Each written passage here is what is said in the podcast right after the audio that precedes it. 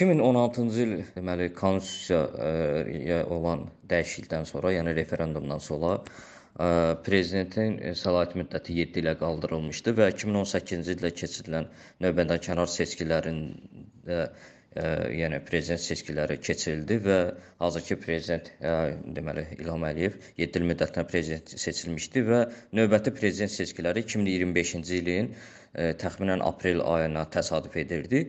Amma bu gün elan olundu ki, e, Azərbaycanda yenidən növbədənkənar prezident seçkiləri keçirilməsi üçün vaxt təyin edildi. Prezident sərəncam imzaladı bununla bağlı.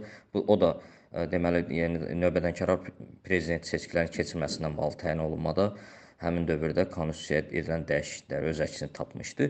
Mən düşünürəm ki, e, bu qəfil verilmiş bir qərardır. Çünki növbəli prezident seçkiləri 2025 25-ci ildə keçirməli olduğu halda gələn il üçün öz, yəni çox az müddət qalmış, 60 gün qalmış. Yəni qanunvericilikdə də düz 60 günə qədər nəzərdə tutulub. Amma belə tez e, tələsik bu qərarın verilməsinin xüsusi əhəmiyyəti var. Yəqin ki, e, mən düşünürəm ki, e, bu qərarı verməyinə bundan əvvəl deməli Rusiyada prezident seçkilərinin elan olunmasıdır. Bildiyiniz kimi bu yaxın vaxtlarda, saatlarda da Rusiyada martın 17-sinə prezident seçkiləri elan olmağını təyin olması elan edildi və bundan sonra da Azərbaycanda bu seçkilərin elan olunması arasında mən hardasa əlaqə görürəm. Çünki Qafqazda son günlər baş verən hadisələr, böyük güclərin konfrontasiyası və hansısa bir belə deyək də çəkişmələr bu qərarların alınması üçün əsas ola bilər.